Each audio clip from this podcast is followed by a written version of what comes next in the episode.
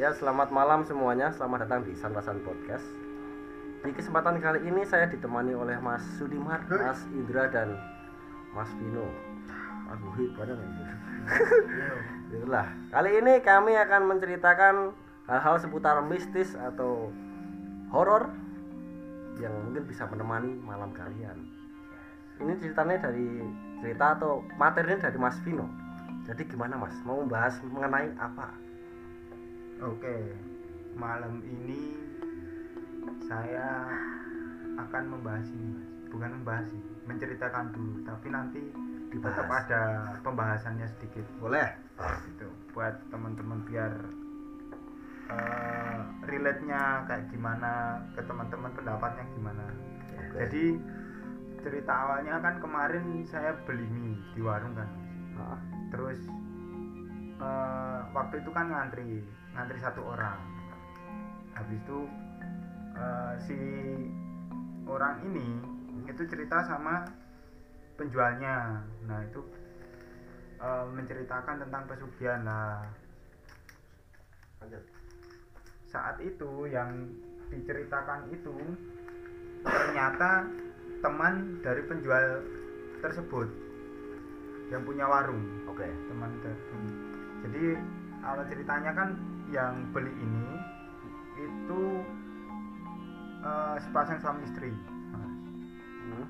Nah, waktu itu dia beli eh, kebutuhan pokok di situ kan dia bilang eh, alhamdulillah udah bisa belanja gitu awalnya gitu habis itu ya alhamdulillah tapi kemarin ini bude eh, saya di ini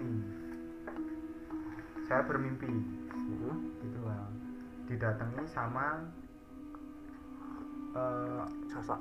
orang. Ah. eh, sosok kan nah tapi sebelum itu dia itu ceritanya gini mas dia kerja di tempat tetangganya.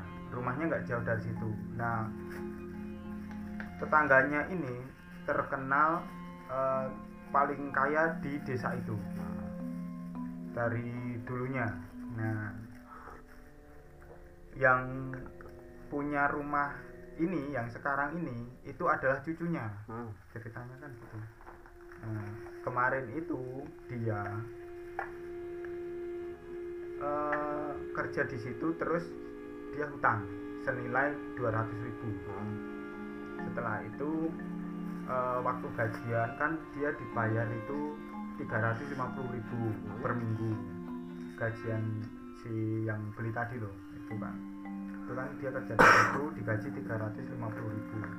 Nah si eh, karyawan ini ini bilang sama si cucunya itu yang punya itu kan.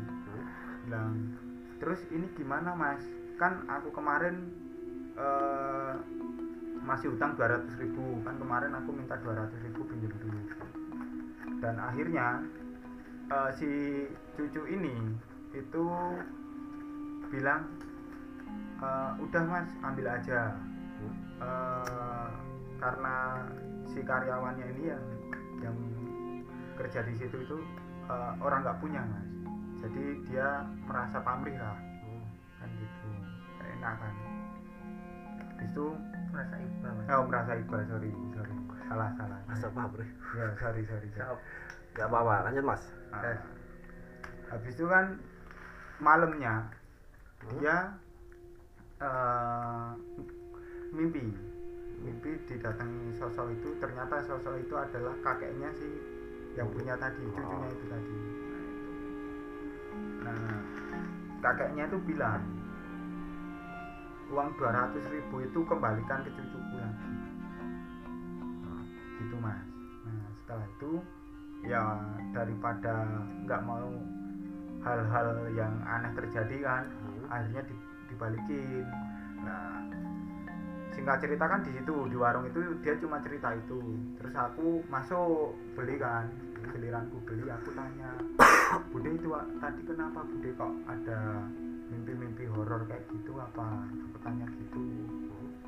Ini mas jadi dulu ada orang paling kaya di desanya mbak E tadi mbaknya tadi yang beli. Ah. oke nah dia itu punya anak dua cewek semua. Nah salah satunya eh, salah satu dari anak itu itu temanku mas dari Oke. anaknya itu. Orang tuanya itu dulu terkenal sangat pelit mas sangat medit. Dulu pernah ada eh, jadi dia si kakek ini punya beberapa lahan sawah nah setelah itu eh, waktu dia panen itu ada salah satu warga minta satu ikat padi mas. Kan dulu kan diikat padi itu Nah, nggak dikarung. Minta satu ikat itu di dia kejar mas sampai rumah mas. Hmm. itu padiku. Dia nggak nggak ini nggak rela istilahnya kalau diminta.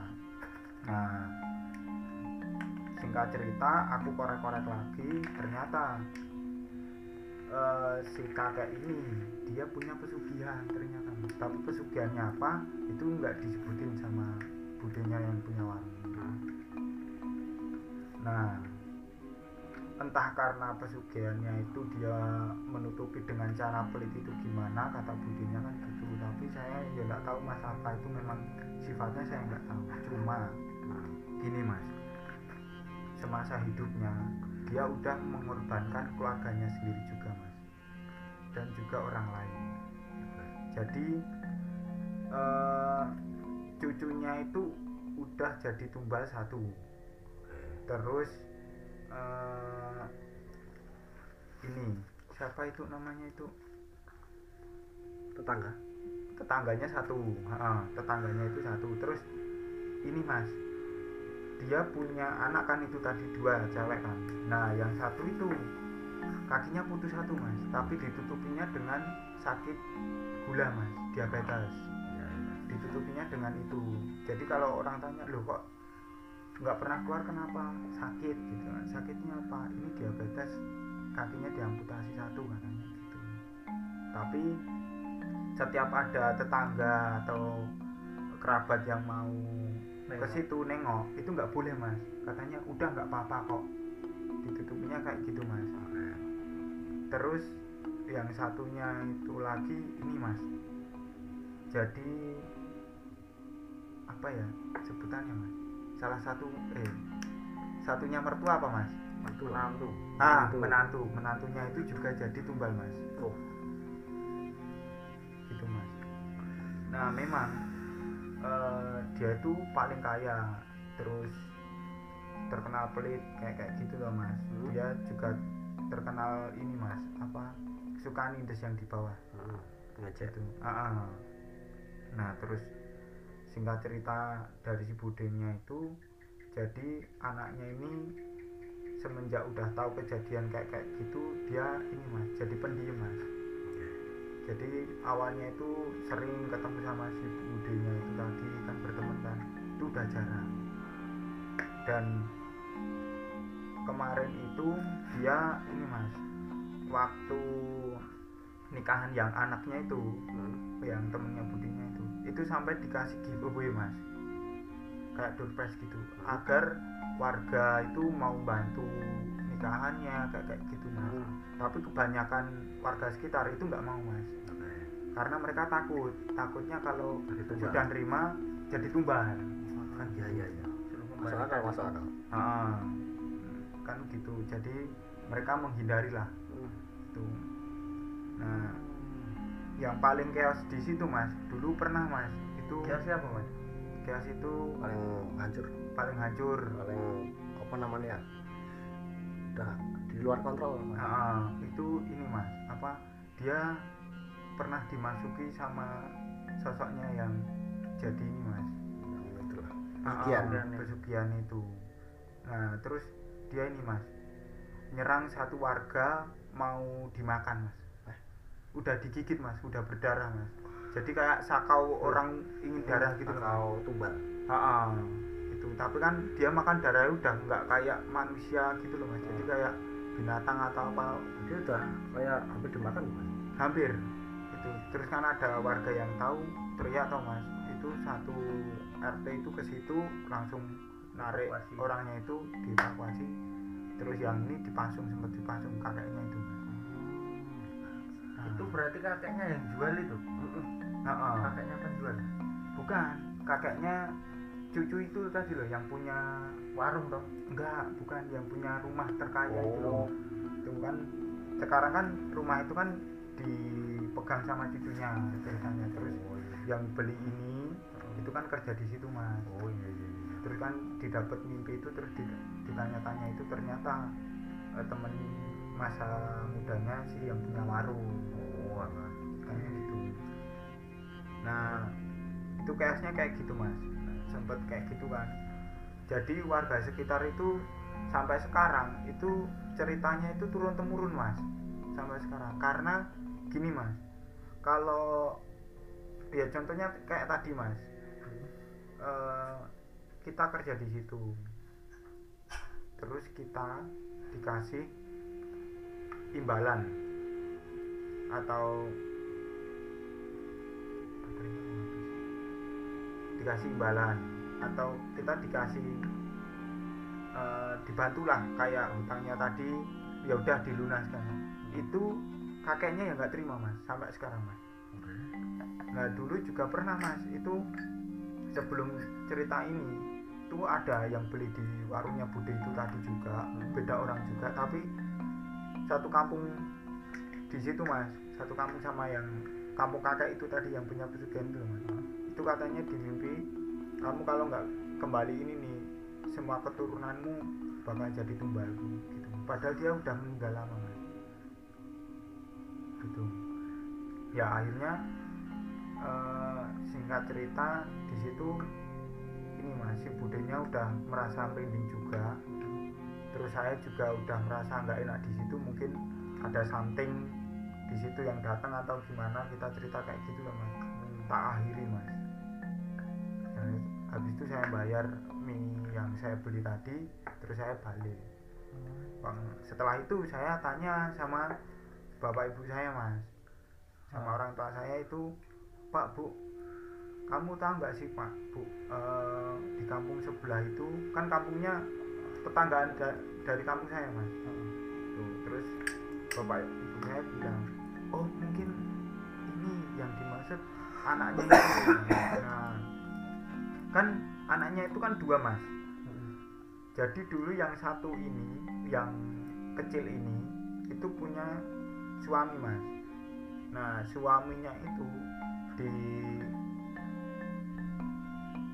suaminya itu kenapa nggak nggak bisa jadi tumbal karena ini mas dia religius mas.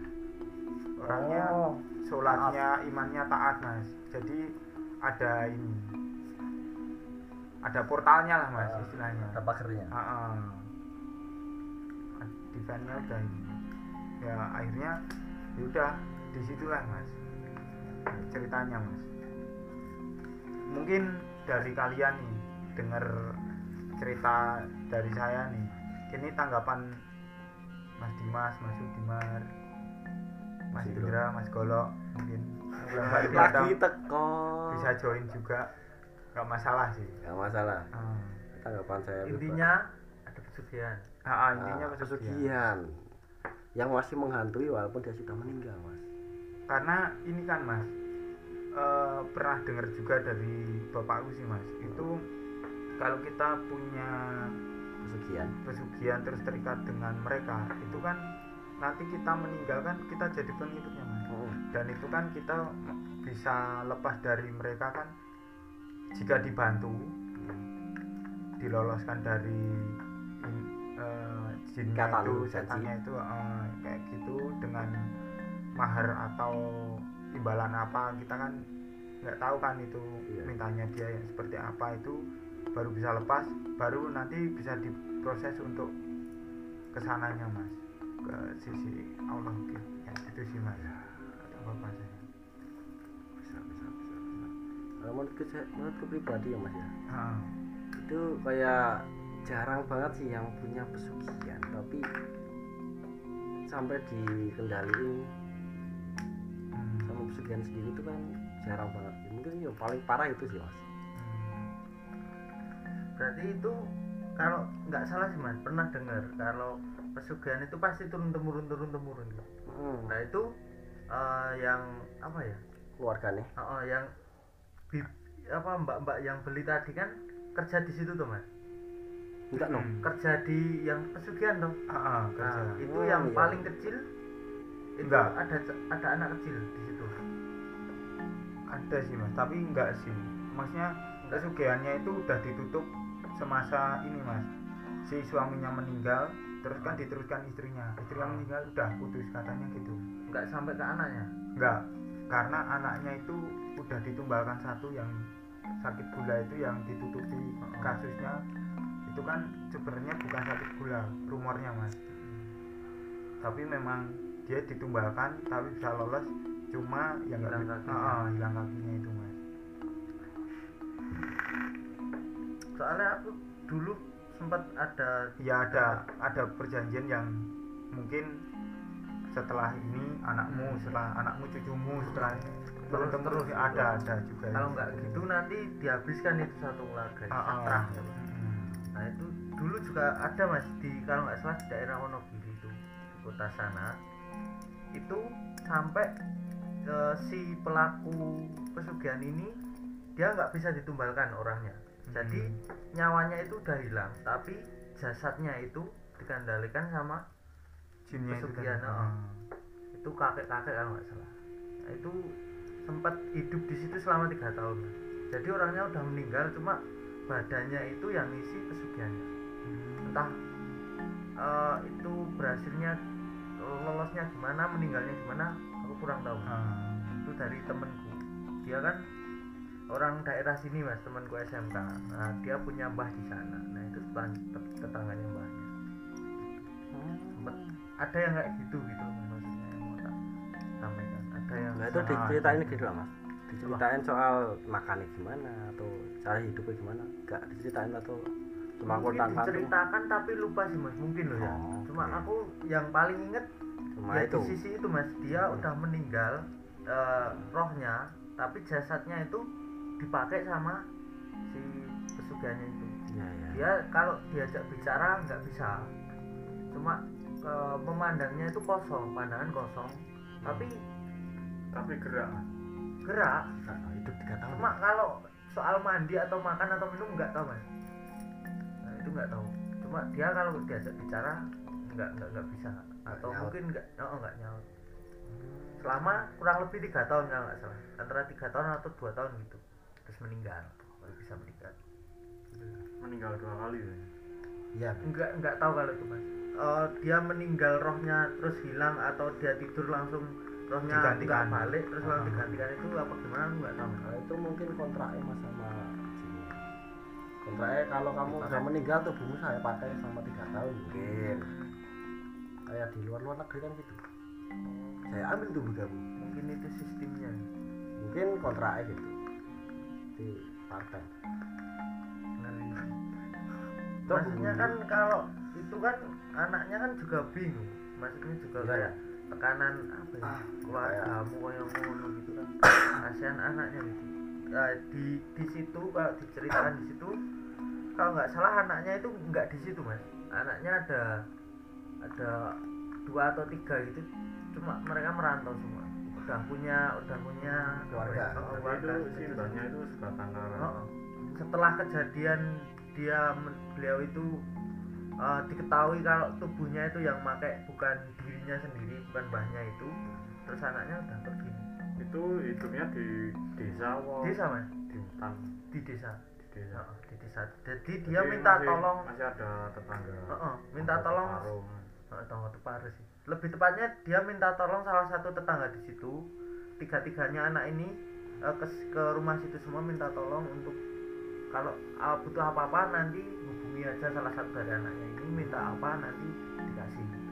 yang penting uh, tahu aja mbahnya ini nggak nggak merugikan orang lain gitu loh maksudnya nggak nggak cari Iya. pesugihan nggak cari tumbal lagi atau nanti butuh apa tinggal bilang gitu. yang Iya. penting mengetahui kalau mbahnya itu nggak ke mana-mana gitu nggak atau mungkin nyolong atau mungkin membunuh orang lain gitu yang penting diamankan gitu. ya jadi kita Ngeri, jadi itu mas dapat pandangan baru mengenai pesugihan. Soalnya kan pesugihan itu berbeda sama penampakan penampakan lain beda. Kayak lebih ke lebih ke lama dan lebih sebagainya lah. Daripada cuma hal-hal penampakan dan sebagainya. Kayak pesugihan itu lebih bahaya. Intinya itulah. Ya sama sebenarnya mau tambah sama cerita-cerita mas. Tapi kan karena sudah Pak ini mas eh, aku mau tanya ke kalian juga mas Hah? ini Gimana, di Mas?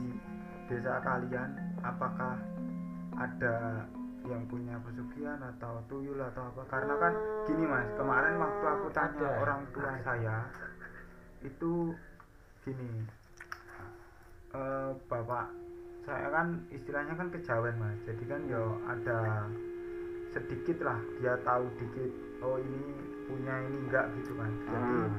Ciri-ciri? Ah, ah, kayak ciri-ciri kayak kayak gitu kan. Jadi di desaku itu ada yang punya tapi tuyul. Terus eh, di kampung sebelah yaitu tadi salah satunya si kakak itu tadi. Hmm. sama yang satunya ada tuyul juga terkenal katanya di situ yang punya. Itu punya beberapa tuyul atau cuma satu?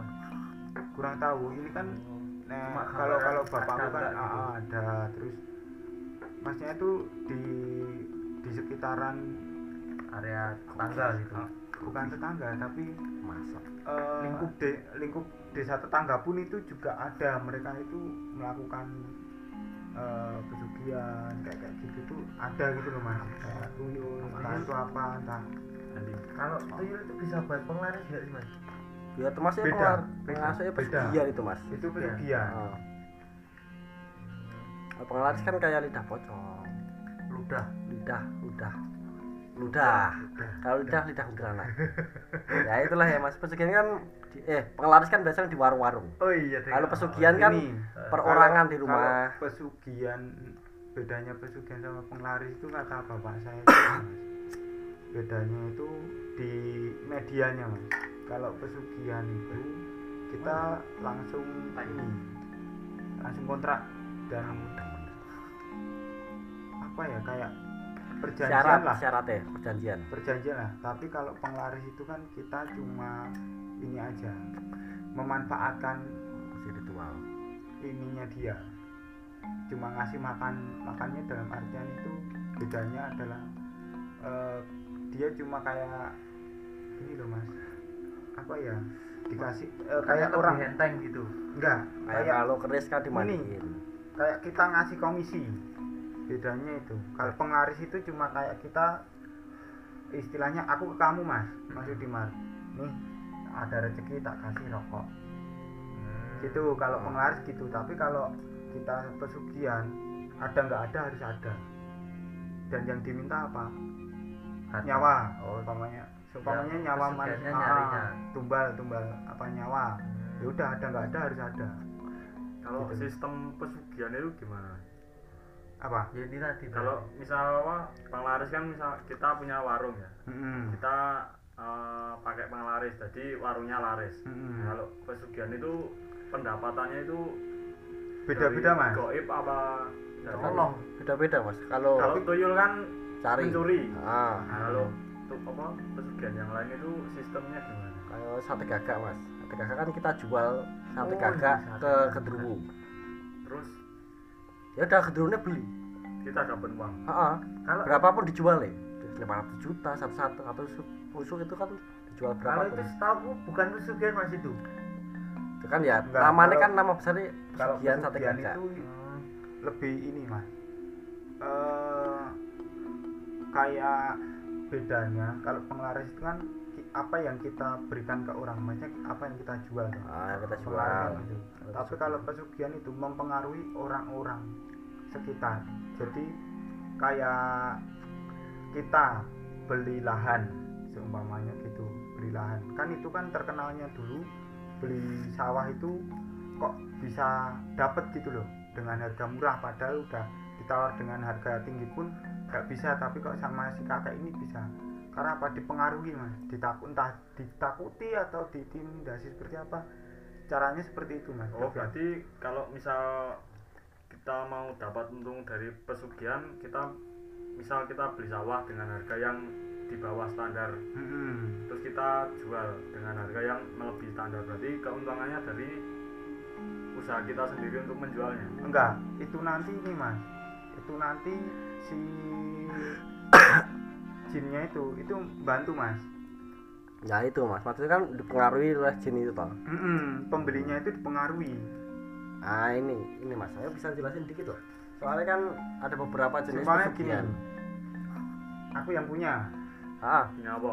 Aku yang punya pesugihan contoh- contohnya ya. Contoh. Terus ini jinku ini mempengaruhi Mas Indra untuk beli sawahku dengan harga tinggi. Kayak gitu mas. Kalau penglaris kan beda penglaris kan berarti kita harus yang punya pesugihan harus ada apa? Perjanjian. Bukan ada barang yang harus dijual. Ah no penglaris iya seharusnya. Pesugihan. Enggak kan pesugihan itu penglaris. Pesugihan Nah, ini ini barang bisa terus dia tahu-tahu nanti dapat dari ini juga bisa mas. Maksudnya entah dari mana tahu-tahu uangnya bisa dilipat gandakan juga bisa. Hmm, ini. gitu. Kalau menurutku pribadi malah gini mas kalau penglaris kan buat warung dan sebagainya. Ya kayak jualan dan sebagainya mebel-mebel. Kalau pesugihan kan memperkaya diri sendiri. Entah itu kalian jualan met- metodenya jualan atau enggak apa kan yang penting pesugihan itu memperkaya diri sendiri. Entah kalian ya kayak jualan sate gagak tadi atau tiba-tiba ada uangnya kayak babi ngepet. Terus ada mungkin kamu dikasih uang dengan imbalan nyawa dan sebagainya atau gimana? Ya, iya itu kan kayak Hmm, kayak gitu. Pesugihan untuk diri Ah, sendiri. ah, ah. nggak nggak perlu gimana ya? Nggak perlu kayak jualan. Jualan kan Mm-mm. menarik pelanggan dan sebagainya. Kalau itu kan nggak perlu. kan menarik pelanggan dan lain-lain itu bukan bukan bukan kitanya. Iya betul. Itu Maksudnya kan itu kalau pesugihan kan dia. Tapi kalau penglaris itu skill kitanya dulu. Hmm, oke. Penglaris itu jadi kita jualan gas. Yang kita jual kan nggak enak sebenarnya. Heeh. karena kita masang penglaris kita makan di situ rasanya enak. Nah itu. Kayak kayak gitu. Oh berarti kalau pesugihan itu misal tapi kita harus ada barang yang harus dibayar. Ya harus ada Berarti imbalannya misal kayak kita aku punya anakku nih Ah, aku ah. barang ke kamu. Ah, ah. kamu ngasih aku berapa? Oh, kayak gitu. Ya Ah, kayak ah. gitulah. istilahnya kayak gitu. Hmm. kalau perjanjian. Nah ya harus harus ada perjanjian sih. Terus Negosiasi. uangnya itu langsung celing ada apa? Seharusnya gitu mas. Nek dulu gini mas. Nek medianya zaman dulu itu kita sehabis itu eh, udah nyiapin satu lemari kosong mas nanti langsung. waktu selesai kita mediasi sama si jinnya itu tadi secara otomatis uang yang diminta yang dibutuhkan atau yang dijanjikan itu udah ada di dalam situ mas hmm. Gokil. oh aku pernah dapet ini mas ciri-ciri orang yang punya pesugihan Hmm. ada dua mas di rumahnya itu harus ada ruangan kosong Ah. kalau Pasti. enggak itu ada lemari yang kosong. Pasti. Itu dari Tetangga. eh, ketua. Wah. Dari ketua bukan? Kasper ya? Dulu oh, ceritanya kan ada salah satu rumah. Ini eh, ceritanya rumahnya ini mau dibenerin Hmm, nah itu oh, oh, oh, ada lemari yang kosong. harus dipindah. Hmm. nggak tahu mas itu kosong apa isi kan? Hmm. nah itu di bawah tempat yang mau buat benerin gentingnya itu mas. Hmm. nah itu kan harus dipindah buat biar naruh oh, oh. An- yang pertama itu sama buat naruh tangga. Oh, oh tangga mas. Ondel nah itu ceritanya kan ada tiga pegawai Hmm, pegawai tiga kuli. Nah itu mereka badannya besar. Tangannya ya, kecil. Ya, ya itu hitungannya orangnya gagah lah mas nggak Hmm. nggak besar tapi gagah yang pasti kuat. Kalau tiga orang-orang itu lemarinya nggak sampai satu setengah meter. Oh kecil dong. Nggak sampai satu setengah meter kalau nggak salah tuh ceritanya. Diangkatlah tiga orang. Hmm. nah ini yang eh, suaminya ini kerja. Yang istrinya itu baru beli beliin makan sama minum buat Tukang. eh, oh, tukang itu. Nah ceritanya ini mau dipindah. Hmm. tapi sama tiga orang itu nggak kuat oke. Terus eh, mbaknya pulang Hmm. terus selalu bilang mbaknya mbak ini lemarinya harus dipindah. Terus "Eh, boleh apa enggak? Atau mau dipindah di mana? Gitu kan. Dari mbaknya bilang "Oh, usah." ya udah mas dipindah ke sini. Terus anu tak bantuin mas. Nggak usah mbak kata kulinya. Terus nggak apa-apa mas ini sekalian udah kotor. Itu alasan mbaknya. Hmm. dibantu sama mbaknya. Angkat. tiga orang keangkat mas. Jadi dua kuli sama mbak-mbak satu. Padahal mbak-mbak itu cuma kalau nggak salah cuma kayak megangin tok. Mbak-mbak biasa. mbak-mbak biasa mas. Nah itu. Ciri-cirinya itu mas. Ada ruangan kosong sama ada lemari kos lemari eh, yang nggak nggak boleh dibuka. Oh. ceritanya. Itu kalau dari oh ya ding yang sebelum itu eh, sudah diwanti-wanti kalau lemari ini jangan dibuka gitu. Tapi kalau dipindah menurut mereka kan nggak apa-apa dipindah sendiri nggak kuat ternyata Oke. Nah, itu ciri-ciri orang yang punya pesugihan Jadi berarti jin jin buat pesugihan itu beda-beda beda-beda mas. beda beda namanya. Mas. Oke. Eh, tentang serba-serbi pesugihan itu ada lagi kalau pesugihan yang paling brutal lah Mas. Paling brutal. paling butuh Tadi tumbal mas, tumbal besar gitu manusia loh. mas. Tumbal manusia tadi yang paling besar. apa nyawa Ah, nyawa. ya ini mas proyek tumbal proyek mas paling besar Itu kan masih mitos mas. Yang kalau proyek lo ya. Heeh. Tumbal proyek itu paling mitos. kalau soal- proyek itu lebih ke ini sih mas kadang beberapa faktor yang pertama kayak penunggu Heeh. Hmm, setiap tempat itu pasti Ada ada, udah penunggunya. ada leluhur yang menempati dulu. menempati di situ nah kalau kita nggak izin ya mau nggak mau beberapa orang jadi Jawa. ini Tumbal. buat peringatan Hmm, kayak gitu sih mas Berarti itu nggak termasuk sekian ya banyak. belum Bukan Itu mas. tumbal ya? Itu kan Ah, tumbal ah. mas. Tumbal untuk suatu bangunan. Hmm. Tapi kan sekarang udah diganti sama kepala kerbau ya mas. Kebanyakan loh. ya itu kan adat mas Hmm. tergantung kayaknya tergantung si penunggu itu mintanya Ah, apa ah. Hmm. kalau dia Kayak- cuma minta izin dihormati kayak kayak gitu ya udah kita Santun aja. eh, ya kita liburkan dulu proyek itu terus kita istilahnya kayak orang bertamu lah mas datang ke situ bawa iya, iya, iya. bawa sajen kayak kayak gitu terus minta izin mau meneruskan bangunan ini gimana apakah boleh apa enggak kayak gitu nah setelah nanti dia mempersilahkan baru nanti Oke. bisa berjalan lagi Balik ke yang tadi mas ya. Pesugihan dengan apa ya? Namanya, Akibat paling parah kan tadi ya nyawa. Kita Hmm. pikir lagi yang paling ringan apa? kalau kalau nyawa kayaknya Kan paling udah berat ya.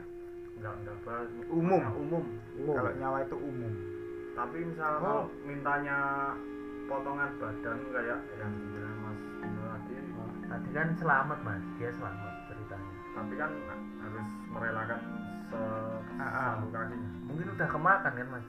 ya Apa itu enggak? karena busuk karena mas biasanya. udah ya mau di ini Heeh, terus bisa lepas. bisa lepas eh, istilahnya gitu. apa itu kemakan paling kemakan Shiki Fuji Apa ya nggak tahu. Jangan bahasa anime mas, karena semua bukan animator. Oh kaki keempat. Oh, kaki keempat. nah, dipotong kakinya kalau yang yang ringan aku belum tahu sih mas tapi kan kalau menurutku malah nganu mas Yang ringan apa si mas? tuyul itu mas Tuyul. kalau kan cuma menyusui Darah itu mas. Ibunya. ya tapi kan cuma darah Cuman mati cowok. Ronaldo aja donor darah. Donor darah sama dimuang kan beda mas. Kan sama-sama disedot Tapi kan itu nggak pesugihan. Jadi gini mas, kalau dibilang itu ringan, tapi kebanyakan yang punya tuyul itu nggak mungkin dia infus darah, nambah darah sendiri, nambah darah ke rumah sakit dong, nggak mungkin kayaknya. Dan mungkin darahnya habis ya udah mati kering, Mati keren. mati kering, mati kering, mati kering. nggak bisa sih mas kan udah ini kan beda darah Beda darah gimana?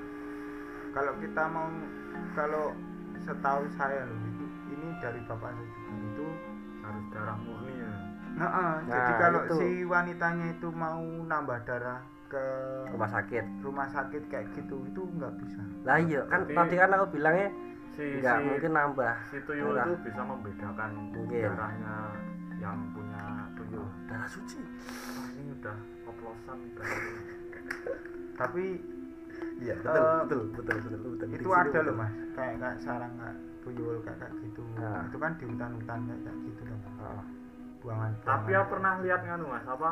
Kayak anak kecil. Bukan. Apa namanya? Besar. aduh. Podcast. Bukan podcast juga sih orang-orang tua ngobrol ya ah obrolan tokrongan Heeh. nah jadi ada bapak-bapak yang ngomong pesugihan paling gampang itu tuyul hmm. Kan punya pendapat pri- pribadi ya? Nah jadi ceritanya itu tinggal kita cari mediator hmm. buat perjanjian. Hmm.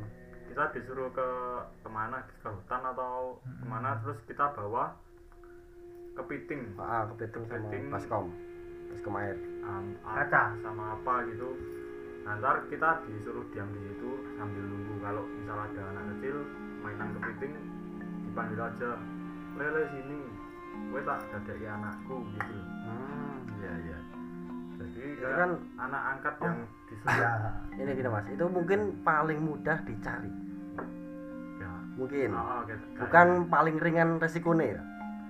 Kalau menurutku pribadi yang resikonya paling ringan itu babinya Pak. digebuki. Di babi guling. Eh, itu oh, oh, tapi itu ini mas. Soalnya- apa toh? Nggak ada ini. Kembali diri sendiri misal ketangkep ya? Oh. Udah. diri sendiri sama ini mas. Nggak boleh makan daging babi. Nah, ya kalau ya kan itu syarat Itu bukan? pantangan. itu syarat pantangan Iya, tapi kan itu kan juga kalau sampai dia kelupaan atau kita nggak menipu mungkin mas. Kalau kan kebanyakan yang kayak pesugihanan Hmm. hmm, Hmm. orang kita.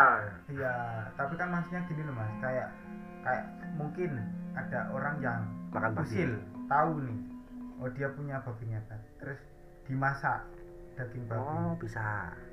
Dicampur dengan daging ayam. Kalau itu unsur nggak sengaja tetap kena? Kena.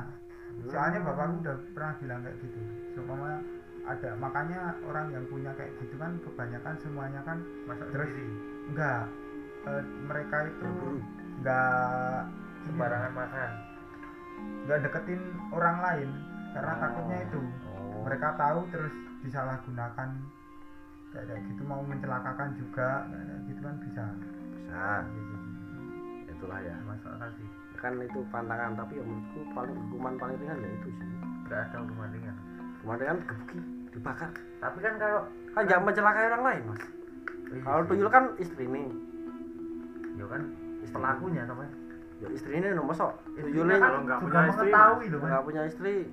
Nggak tahu sih mas. Oh, iya. setahu kan yang punya tuyul itu punya istri soalnya yang menyusui istri nih nah misal misal kita bayangkan jika bujangan pengen pesugihan tuyul. Ah, angel nah terus itu tuyulnya dikasih makan apa gitu? Disuruh nyepong mas. Ngawur bocah ini. tapi sok Enggak. sok persoalanmu ya aneh. Iya kalau- gimana? kalau bujang jarang sih mas. Oh jarang masih bisa kerja? Bujang bukan. itu lebih di realistis? Enggak lebih kayak tertariknya itu kayak pesona blueprint Oh. dua apa kayak kayak gitu sih. Bukan Kayak kayak kayak gitu. Itulah. cuma kalau pemikat pemikat. Ah, ah, kayak pemikat kayak kayak gitu. Daripada dia pesugihan jarang banget Mm, soalnya kan Kebanyakan. belum ada tanggungan. Gitu iya. Jangan masih diri sendiri. Tapi nek semisal kira-kira ada ya mas. Aneh sih. Kowe to, kowe pengen to, oh iya. Harus memandang gitu. Ya enggak mungkin sih mas. Mungkin ya nyewa perak. Sebenarnya ada mas pemikiran kayak Mas Indra kayak gitu cuma Ah, kan kita kan nggak langsung seumpama Mas Indra ini bujang terus Hmm. pengen punya pesugihan kayak gitu toh. Hmm, itu nggak mungkin kan langsung oh aku mau cari pesugihan cari sendiri kan nggak mungkin Ah, pasti kan lewat ke dukun betul orang pintar Betul. nah dukun orang pintar kayak kayak gitu pasti menyuruhnya wes kamu nggak usah kayak gitu Hmm. kamu tak kasih ini aja pemikat penglaris kayak kayak Hmm. kayak gitu dulu yang enteng-enteng dulu dukun yang perhatian nah misal pengen nih kekeh ya. mungkin dikasih, Ya. dikasih saran lain mas pesugihan yang lain babi ngepet aja Wah. Bi- maksa. bisa aja di bisa aja ditipu Hmm, ini tak kasih pesugihan padahal itu bukan pesugihan. Hmm, penglaris itu bisa. Iya. ya ya ya ya masuk. Sorry. Oke. Ini karena sudah tidak kondusif. Sebenarnya masih banyak cerita-cerita horor tapi nggak berkaitan dengan pesugihan ya. Kan ya mungkin di podcast lain kali aja. Ya kita akhiri saja podcast pada hari ini. Maaf jika banyak tawa di akhir-akhir. Terima kasih untuk kalian yang mendengarkan podcast ini sampai selesai. Selamat malam dan semoga mimpi indah. Mantap